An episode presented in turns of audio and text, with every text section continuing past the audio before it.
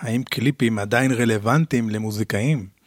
האם זה עדיין קורה? בכלל, מה זה ההמצאה הזאת של הקליפים?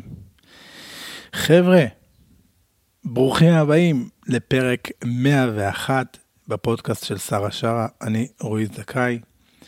בואו נדבר על התחום הזה של הקליפים, כי הוא עבר המון, יש לו היסטוריה אדירה, וכדי להבין אם אנחנו צריכים את זה בכלל, אנחנו צריכים להבין בכלל למה יש את הדבר הזה, את ההמצאה הזאת של הקליפים. אז בואו נחשוב קצת קונטקסט. אז קליפים התחילו כפעם, כ... לא היו קליפים, אלא היו כצילומי וידאו של, של הופעה, אם זו הופעה באולפן של להקה, או הופעה אה, בחוץ. ולאחר מכן הגיעו הקליפים. כלומר, בהתחלה החשיבה הייתה בכלל תיעודית. להקה הגיעה לאיזה תוכנית אירוח, וזה בעצם היה בפועל הקליפ. עכשיו, הם הגיעו כמובן כדי לקדם את המכירה של האלבומים שלהם, ותזכרו שבזמנו הערוצים היו, היו, היו מספר ערוצים בודדים, והצפייה, אחוזי הצפייה, הרייטינג היו אדירים, היו בשמיים. כמובן היום אנחנו בעולם אחר לגמרי. ואז התחום הזה השתכלל מאוד, כי חברות התקליטים כמובן ראו כי טוב, כי זה מביא להם מכירות של דיסקים, אלבומים בזמנו, כן? ואז שנות ה-80, שנות ה-90, תחילת שנות ה-2000, במיוחד עם, ה, עם, אה, עם הערוץ של MTV, התחום של הקליפים התפוצץ. זאת אומרת, שם באמת הווידאוים הפכו להיות לקליפים במובן הזה שגם מבחינת האיכות של ההפקה והעריכה והצילומים, וגם הם הפכו להיות מעין סרטים קצרים. היה שם storytelling. והקליפים האלה, הקרנו אותם, הקרינו לנו אותם בטלוויזיה, בבית, תחשבו, לפני שהיה ממש מחשב, לפני שהיה את המסך הקטן, את הטלפונים, אנחנו ממש בהינו בקליפ, הייתה תשומת לב אדירה. אנחנו ממש, אה, מה שנקרא, צפינו בקליפ, לא האזנו לו ברקע. כלומר, צרכנו, אשכרה צרכנו את, ה... את הוידאו, את הקליפ הזה.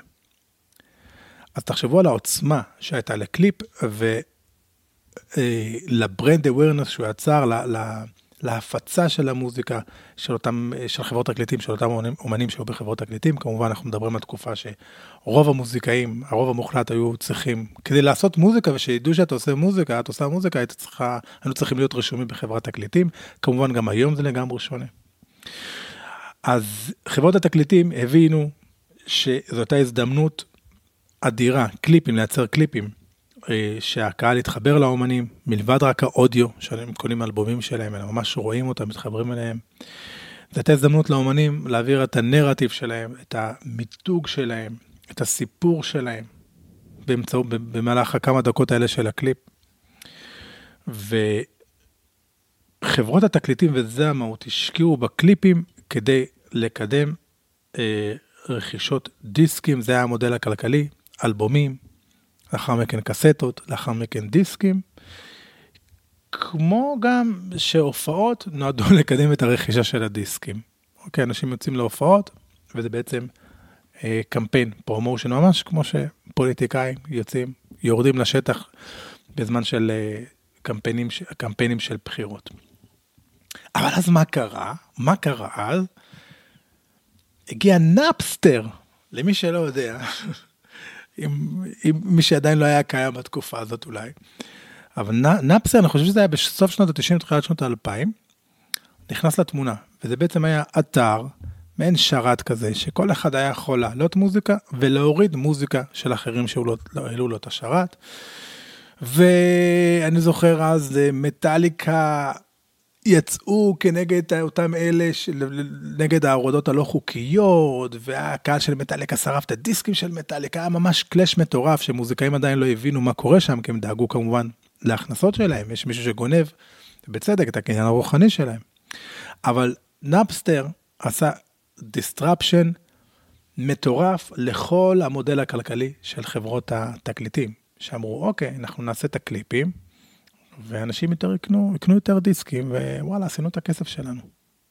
אבל לא, הגיע נאפסטר. באותו זמן, כל אחד יכול להאזין למוזיקה שהוא אוהב, שהיא אוהבת, וואלה, בתור פייל של mp3, ואם כבר mp3, גם נכנסו כל המכשירים של ה-mp3, זאת אומרת, לא רק שזה עשה disruption, זה בעצם באותה נקודה אמר לעולם, כאילו הכיוון, הקדמה, אמרה גם לכל החברות התקליטים, למוזיקאים, חבר'ה, לשם זה הולך. לא רק שה-mp3 הולך להיעלם, או ה-wave, אנחנו הולכים לייצר מכשירים שהולכים לנגן, שאנשים יכולים לשמוע את המוזיקה הזאת בכל מקום, את המוזיקה הלא חוקית, במרכאות, בכל מקום. ואז ב-2006, התחיל בקטנה, אבל כמובן לקראת 2010 וצפונה, כמובן עד היום. אבל מה שקרה אז, יוטיוב נכנס לתמונה, ויוטיוב בכלל פוצץ את הכל. לאט לאט למעשה הקליפים שהיו ב...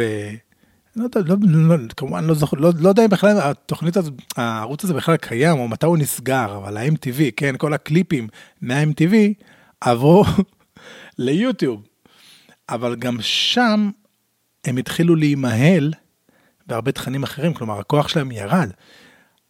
כי יותר ויותר נכנסו וידאוים פרטיים של אנשים כמוני, כמוך, רגילים לגמרי, שהם לא הגיעו עם גב של חברת תקליטים, והרבה אה, אנשים שעסקו במוזיקה, מוזיקאים חובבים, או כאלה שהם סתם מתפוצצים בכישרון, אה, הפכו ויראליים, בגלל שהיה, הם יצרו וידאו, הם צילמו את עצמם מנגנים, אגב, בלי שום אולפן או מיקרופון מטורף, פשוט מול מצלמה, עם גיטרו, פשוט שרו, ואנשים הרגישו שההמון, הקהל, כן, הרגיש שהם יכולים להתחבר אליהם.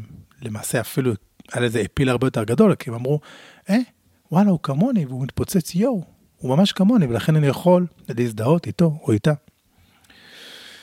לאט לאט, גם הרשתות החברתיות התחילו להיכנס לתמונה, וגם שם אה, אנשים גילו שהם נהנים, גם המוזיקאים עצמם, מלראות אותם בקאז'ואל, מבצעים את השירים שלהם. כלומר, לא רק שהאומנים מבליחים באיזשהו קליפ מפולפן ומושקע, שהם מאופרים, עם תחפשות, וצילום מהאוויר ממסוק וכו', וואלה, לא, שהם בבית שלהם, או מאחורי הקלעים, בהופעה, וכולי, אוקיי? מעבר לזה, כמו שאמרת, הייתה אינפלציה, אינפלציה של קאברים, יוטיוב הרי אחד ה... בכל מה שקשור למוזיקה, קאברים זה אחד הווידאוים, התחומים הכי, הכי נפוצים והכי נצפים ביוטיוב. אז בעצם אנשים, מוזיקאים, התחילו לייצר קאברים לשירים של אותם מוזיקאים מפורסמים. ואז אותם מוזיקאים מפורסמים בעצם, הם היו שופרות שלהם, הם כבר לא היו צריכים את הקליפ המפונפן כדי שיקדם את המכירה של הדיסקים שכבר לא הייתה קיימת, כן, המודל אמרנו השתנה. אלא יש כבר אחרים שמקדמים בשבילם, כי נחשו, נחשו, נחשו מה קורה עם מוזיקה, כן, מוזיקאי מפורסם, מוציא שיר, ויש מלא קאברים לשיר הזה, מי נהנה מזה? המוזיקאי עצמו. חינם אין כסף, הם עושים את זה בשבילו. אוקיי?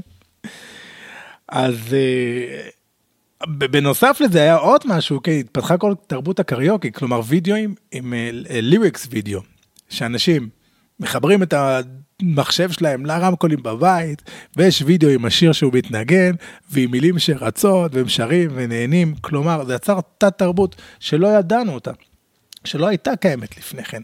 כלומר, הכוח עבר להמונים, והכוח היחסי של הקליפים ירד, המודל, המודל הכלכלי שהיה בזמנו לחברות התקליטים התרסק, התרסק לגמרי, ותחשבו שמשם זה הגיע הקליפים. אז מה, אז בשלב הזה, אומנים אה, ידועים, כן, עושים עדיין קליפים, על אף שברמה פחותה משמעותית מהעשורים שקדמו להם.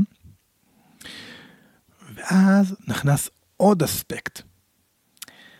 הם המשיכו לעשות קליפים במידה רבה כי הם ידעו, כי נכנס לתמונה העניין של המונטיזציה, לעשות כסף ביוטיוב.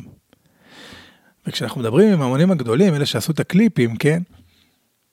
כשמדובר על מאות, לפעמים מיליארדים של, אה, כמה מיליארדים של צפיות לשיר, ומקבלים על זה כסף מהפרסומים, הדבר הזה נהיה מאוד מאוד משמעותי. כלומר, היו עושים, עושים, התחילו לעשות קליפים רק כדי לקבל את הכסף מהמונטיזציה של יוטיוב. תחשבו שמה היה המטרה הראשונית של הקליפים, כן? להביא את הכסף ממכירת התקליטים, קסטות, אה, אלבומים. בנוסף לזה, גם הטלוויזיה המסורתית התחברה לעם, הייתה יותר עממית, הרי כאן העם נכנס למוזיקה, הוא פרץ לעולם ואמר, חבר'ה, גם אנחנו יודעים לעשות מוזיקה, גם אצלנו יש מוזיקאים מוכשרים. תחשבו שהיום יש הרבה מוזיקאים שצמחו מאותם אנשים, כן? כל הדור הצעיר יותר. ואז נוצרו כל התוכניות ריאליטי. ואז אנשים רגילים, כמוני, כמוך, כמוך, התחילו להופיע בטלוויזיה. כוכב נולד, אקס פקטור וכל האלה והאחרים. אז מה עם הקליפים? והכל התחיל מהקליפים, שאנחנו רואים שהכוח שלהם פשוט ירד, ירד, ירד, ירדה קרנם של הקליפים, אבל עדיין יש אנשים שמדברים בשפה קליפית. אז מה קורה היום למעשה? היום כל אחד מאיתנו יודע, יכול, יכולה לייצר וידאו בעצמו, בעצמה. אנחנו יכולים לעשות את זה בעצמנו. עכשיו, אני אומר וידאו ואני בכוונה לא אומר קליפ. כשמדברים על קליפים מדברים כבר על משהו שהוא יותר מושקע מבחינת עריכה, שוב הפקה וכולי, אבל וידאו. ווידאו, אני אפתח כאן שוב סוגריים, ענקיות. ווידאו יכול להיות יותר אפקטיבי מקליפ. כי מה אמרנו? מה המטרה? גם חברות התקליטים שעשו קליפים, לא, הם לא עשו קליפים בשביל לעשות קליפים. הם עשו קליפים כדי לגרום לאנשים לקנות, לצרוך את המוזיקה ולקנות.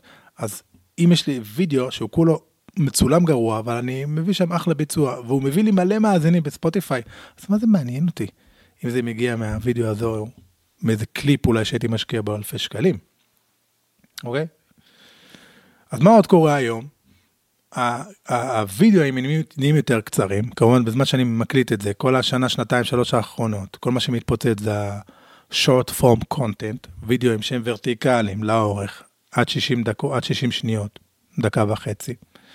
אז הם נהיים יותר קצרים, הם נהיים יותר נגישים, זה בטלפון שלנו, אז הם נהיים יותר דחופים, אנחנו לא צריכים לצלם אה, קליפ אחת לכמה חודשים, אנחנו יכולים לעשות למעשה וידאו כל יום, בכל דקה ביום, וגם לפרסם אותו, לא רק לעשות אותו. ואז בעצם הוידאוים האלה הם נועדו היום ונועדים היום לקידום של מוזיקאים, אם זה חבר'ה שיותר מפורסמים, אם זה מוזיקאים עצמאיים. ו... לוידאוים האלה יש תפקיד אדיר בכל מה שקשור ל brand awareness. להיות שם תמיד, וכבר כולם מבינים שמעבר ל- לדחוף את השיר ולשלוח אנשים להאזין למוזיקה שלנו, אנחנו תמיד רוצים להיות שם, אנחנו יכולים תמיד להיות שם, יש לנו את המצלמה הקטנה בטלפון, בכיס שלנו אנחנו תמיד יכולים לעשות, נגיד במרכאות, קליפ או וידאו מוזיקלי, לא קליפ, שיקדם את המוזיקה שלנו. וצריך לזכור שאנחנו אה, חיים בעידן, בעידן של סינגלים, ואנחנו פורסים את המוזיקה שלנו לאורך ציר הזמן, לאורך כל השנה, ונהיה פחות נפוץ קונספט של אלבומים, כמו שהיה שוב, כשחברות התקליטים הוציאו את הקליפים, כן? שהיה יוצא אלבום אחת לשנתיים, שלוש, ואז מפגיזים בקליפים, היום אין צורך בזה, אנחנו כל הזמן מוצאים שיר ועוד שיר ועוד שיר. אוקיי?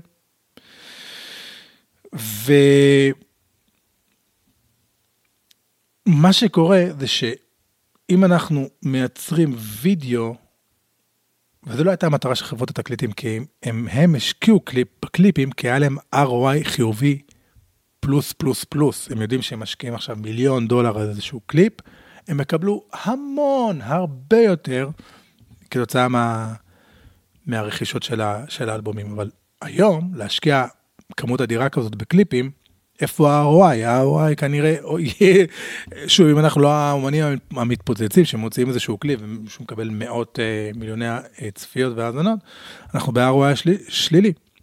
כלומר, זה לא מחזיר את ההשקעה, לפחות לא בטווח הקרוב. אני מכליל כמובן, תמיד יכולים להיות יוצאי דופן, כן? אז השאלה היא, האם קליפים רלוונטיים מוזיקאים עצמאיים, אני אגיד לכם מה אני חושב. אם כן, אז באיזה קונסטלציה כן, ואם לא, אז למה לא. לפי דעתי, אם להשקיע בקליפ, אז שהקליפ הזה הוא לא יהיה קליפ, אלא הוא יהיה סרט קצר. מה סרט קצר? כזה שירתק צופים, כי זה מבוסס וידאו, אנשים צופים בזה, שזה יהיה ממש סרט, כי אנשים היום צורכים סרטים. אנשים תמיד. כמהים ל storytelling. סרטים תמיד עובדים, אם זה בעולם, בעולם הקולנוע, אם זה בנטפליקס או אם זה במסך הקטן, זה לא משנה. אנשים צופים בסרטים, אנשים תמיד התחברו ל storytelling. אם זה היה בזמנו, לפני אה, אלפי שנים סביב מדורה, או אם היום סביב הטלפון שלנו. אז תעשו סרט אה, אה, קצר, זה החשיבה, זה דורש יותר השקעה, שצריך להיות מעניין, השקעה חשיבתית, כן? ו, ובעצם הוא יישא את המוזיקה. יכול להיות גם, מה שאני מבחין, שה, שהסרט הזה יהיה יותר ארוך מהשיר עצמו. יהיה איזה אינטרו, ואולי אחרי דקה, שתיים, שלוש, רק השיר ייכנס. ממש סרט. למעשה, החשיבה היא כזאתי. תחשבו על, אה, על סרטים מאוד מפורסמים שקידמו את האומנים שהשמיעו בסאונדטרק של סרט מסוים. אז אנחנו עדיין, זה כל עולם הסינק, כן? יש מוזיקאים שוואלה, החלום שלהם זה שינגנו את המוזיקה שלהם באיזשהו סרט, כי אז מה אנשים עושים? אנשים הולכים ומאזינים, מחפשים את השיר הזה, עושים שז"ם, כן? או ששם מחפשים את הסאונדטרק, כי כבר יוצרים, לכל סרט מפורסם יוצרים את הפלייליסט שלו כבר בספוטיפיי, אוקיי, והולכים וכמובן זה נותן בוסט לאומנים האלה. אז החשיבה היא בעצם מאוד מעניינת, היא אומרת, רגע, במקום שאנחנו אה, אה, נקווה, נתפלל שהשיר שלנו יתקבל לאיזשהו סרט יותר מפורסם, פחות מפורסם, עלילתי, דוקומנטרי, אולי איזה כתבה באיזשהו ערוץ, למה שלא אנחנו, אנחנו אולי ניצור את הסרט, שהוא יהיה מספיק מעניין, אוקיי? ואנחנו נצמיד את המוזיקה שלנו לסרט שלנו. במקום לח... לחכות לסרט של מישהו אחר, אנחנו ניצור את הסרט, ואנחנו נהיה גם הפסקול של הסרט, ניקח את כל השליטה. אז כמובן זה אפשרי, אבל שוב, הסרט צריך להיות סרט, פחות קליפי, שרואים אנשים שרים ומנגנים וזה בסדר, נחמד. צריך להיות איזה story טוב, שוב, זה, זו, זו דעתי, דרך שאני מזהה את זה. אוקיי? אז uh, צריך, צריכה להיות חוויה יוצאת דופן, אבל גם אז ההצלחה לא מובטחת. אבל אם כבר לעשות, לעשות את זה כמו שצריך. לכן כשאנחנו בוחרים צלמים, צלמי וידאו, הם לא צריכים להיות אנשים טכנוקרטיים כאלה שלוחצים על ה... שמכירים את כל התיאוריה של הצילום, זה אנשים שצריכים להבין מאוד מאוד מאוד טוב ב storytelling. להשקיע יותר בווידאוים ופחות בקליפים, בגלל שאנחנו לרוב מוציאים סינגלים, אה, אנחנו תמיד רוצים לקדם את המוזיקה שלנו והפורמטים שעובדים הכי חזק היום זה וידאוים. כל יום עולים, אני לא יודע, כמות אדירה של וידאוים, וזה יותר נגיש, זה נמצא בכיס שלנו, וכאן אנחנו צריכים להוריד את רף הביקורתיות לגבי עצמנו ולחשוב על הערך. אם אני עכשיו מנגן גיטרה, ויש לי רעיון מגניב, אני יודע שאנשים ייהנו ממנו, אני שם מצלמה עם הסאונד מהטלפון ומעלה את הדבר הזה. ואני אומר, חבר'ה, תקשיבו, אגב, הקטע הזה, הוצאתי אותו, אני אשים כאן לינק, הוא מופיע בספוטיפיי, דבר עוצמתי, אני לא צריך לחכות לקליפ ולהעריך עוד ודברים כאלה. וידאוים, וידאוים, וידאוים. לרוב, אה, יכול להיות, זה יכול להיות גם, אנחנו יכולים לשווק גם בתמונה, או רק באודיו, או במילה כתובה, כן? אבל וידאוים, איך שאני מזהה, זה הפורמט הכי רלוונטי לנו כמוזיקאים, נכון לעכשיו לפחות. ואם אנחנו עושים וידאוים, עדיף שאלה יהיו וידאוים סושיאל. שוב, שמישהו יכול להביט בווידאו ויאמר לעצמו, וואלה, אתה כמוני. בגלל שאתה כמוני, אני מת לפרגן לך, אני אלך להאזין למוזיקה, אתה מעניין אותי, כי אתה לא אי שם, למעלה, בעולם הקליפים, נראה מצוחצח, I can't relate to it, אני לא, אני לא יכול להתחבר אליך בכלל. ועדיף שהם יהיו חווייתיים, כי אני יכול לצלם, אה, מה שאני עושה לרוב, כן, אני דווקא מצלם כאן, בדסק שלי, וזה נחמד, אבל שמתי לב כשאני משנה לוקיישנים, זה מעורר יותר תגובות, ולפעמים אפילו יותר צפיות, אני בחוץ, או בגינה, או וואלה, לשים, לקחת גיטרה ולצנוע חופשי, אה, בצניחה חופשית ולנגן תוך כדי, גם זה יכול להיות, כן. חוויה, חבר'ה, חוויה. טוב, אני כמובן אני מגזים, אבל משהו שמביא איזושהי זווית אחרת, בסדר? נקודה נוספת, אה, בגלל הנגישות של הצילום שלנו, של הוידאוים שלנו, אני מציע לצלם כמה וידאוים לאותו אודיו. למשל, אם אנחנו רוצים לקדם הריליס שלנו, אנחנו ניקח חלק משמעותי, שאנחנו אומרים וואלה זה השיר החלק היותר מעניין בשיר, או אולי שלושה חלקים שאנחנו מהמרים עליהם מתוך השיר, 15-20 שניות מאזורים שונים בשיר, ולצלם לכל אחד מהדברים האלה, מהאזור, לאזורים האלה, כמה וידאוים. פעם אחת אנחנו מבצעים את זה שוב באולפן, פעם אחת אנחנו שרים את זה באוטו, פעם אחת אנחנו עושים, שרים את השיר, מבצעים אותו תוך כדי כלים, פעם אחת נותנים לחבר לבצע את השיר והוא עושה ליפסינג על השיר שלנו, אפשר לעוף ברעיונות. בסדר? ואז אנחנו רואים מה תופס, מה מושך יותר אנשים להאזין למוזיקה שלנו. אני אומר להאזין למוזיקה שלנו, כי בעצם המטרה של הקליפים וגם הוידאוים האלה, זה שאנחנו לוקחים בעצם את האספקט הוידאואלי, הוידאו, והוא בעצם נושא את המוזיקה שלנו. אנחנו בעצם מנגישים את המוזיקה שלנו באמצעות וידאו. זה הכוח של הוידאו, זה שוב המטרה של, שהייתה פעם של הקליפים, במהות שלה היא נשארה זהה. נקודה לפני האחרונה, אה, ליצור את אותם וידאוים כדי לקדם את הריליס שלנו בוודאי, אבל לאו דווקא רק רליסינג, כמו שאני אמרתי, כבר אני חוזר על זה, כי זה מאוד חשוב. תמיד ליצור וידאו, אנחנו לא חייבים לייצר וידאו רק כשיש לנו אה, רליס חדש, אנחנו יכולים לבצע משהו שהוצאנו לפני שנה, לפני שנתיים, לפני חמש שנים. בשביל כנראה מרבית האנשים זה חדש. 99 אחוז, 9 אחוז, כן, לא, לא שמעו את השיר שלנו, אז בשבילם זה יהיה חדש. כל שכן אם אנחנו עושים איזה אולי ביצוע חדש, אפילו אם זה live, או שאנחנו עושים lip sync, שוב, להקלטה של לפני שנים. אז הווידאוים האלה סופר סופר אפקטיביים. מעבר לזה, אנחנו לא חייבים רק לבצע את השירים, כי שוב, הדגש צריך להיות, לפי דעתי, בקידום שלנו כמוזיקאים, ולאו דווקא של המוזיקה שלנו. אז אנחנו יכולים למשל לדבר, להחליט שאנחנו עושים וידאוים שבהם אנחנו מדברים. לדוגמה, אם אני אומן שהטקסטים שלי הם סופר חשובים, נדבר על הנושא הזה, לגרום לאנשים להתחבר. זה הרבה, יהיה הרבה יותר מעניין ורפרשינג עבור הרבה אנשים, של לראות את אותו זמר, למשל, מדבר, ולאו דווקא שר עם הגיטרה, עם הפסנתר. צילומים מגניבים.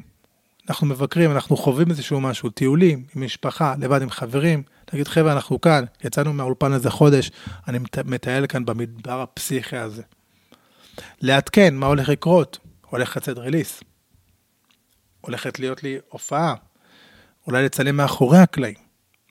הדברים האלה הם דברים מעניינים, הם בעצם יוצרים את ה... הם מחזקים את כל מה, מה שנקרא הפרסונל ברנד. נקודה אחרונה וחשובה, כי קליפים היו מאוד יקרים, הם עדיין יקרים יחסית, ואני אה, רואה הרבה מוזיקאים עצמאיים שמשקיעים הרבה כסף. ביצירה של הקליפים. זו דעתי. אני הייתי מציע להשקיע את הכסף במה שבאופן משמעותי יקדם אותך, אותך, לעבר המטרה שלך, שלך. ואנחנו צריכים לשאול את עצמנו מה המטרה שלנו. אם המטרה שיהיו לי יותר האזנות, שיהיו לי יותר מאזינים, יותר עוקבים, יותר הופעות, יותר רכישות, אז מה זה מעניין אותי? איך אני עושה את זה? אני צריך למצוא את הדרך הכי אפקטיבית, אוקיי? אם אתם חושבים שאתם משקיעים עכשיו אלפי שקלים בווידאו, והווידאו הזה באמת מביא לכם את ה-R או Y, וצריך לבדוק את זה, אחלה. אם לא, לעשות חישוב מחדש. כי ה, ה, כל התפקיד כאן, התפקיד כאן, המשמעות כאן זה להיות אפקטיביים. וחברות התקליטים, בכלל כל עולם הקליפים, הוא הגיב בהתאם. כי פעם כשהיה ROI, היו משקיעים המון המון כסף. היום הדבר הזה השתנה לגמרי. אז אם אנחנו מדברים על חברות התקליטים שהבינו את זה, אז כל שכן שגם אנחנו, אה, אנשים שהכסף יוצא מהכיס שלנו בסופו של דבר. חבר'ה, אה, תודה רבה על ההאזנה.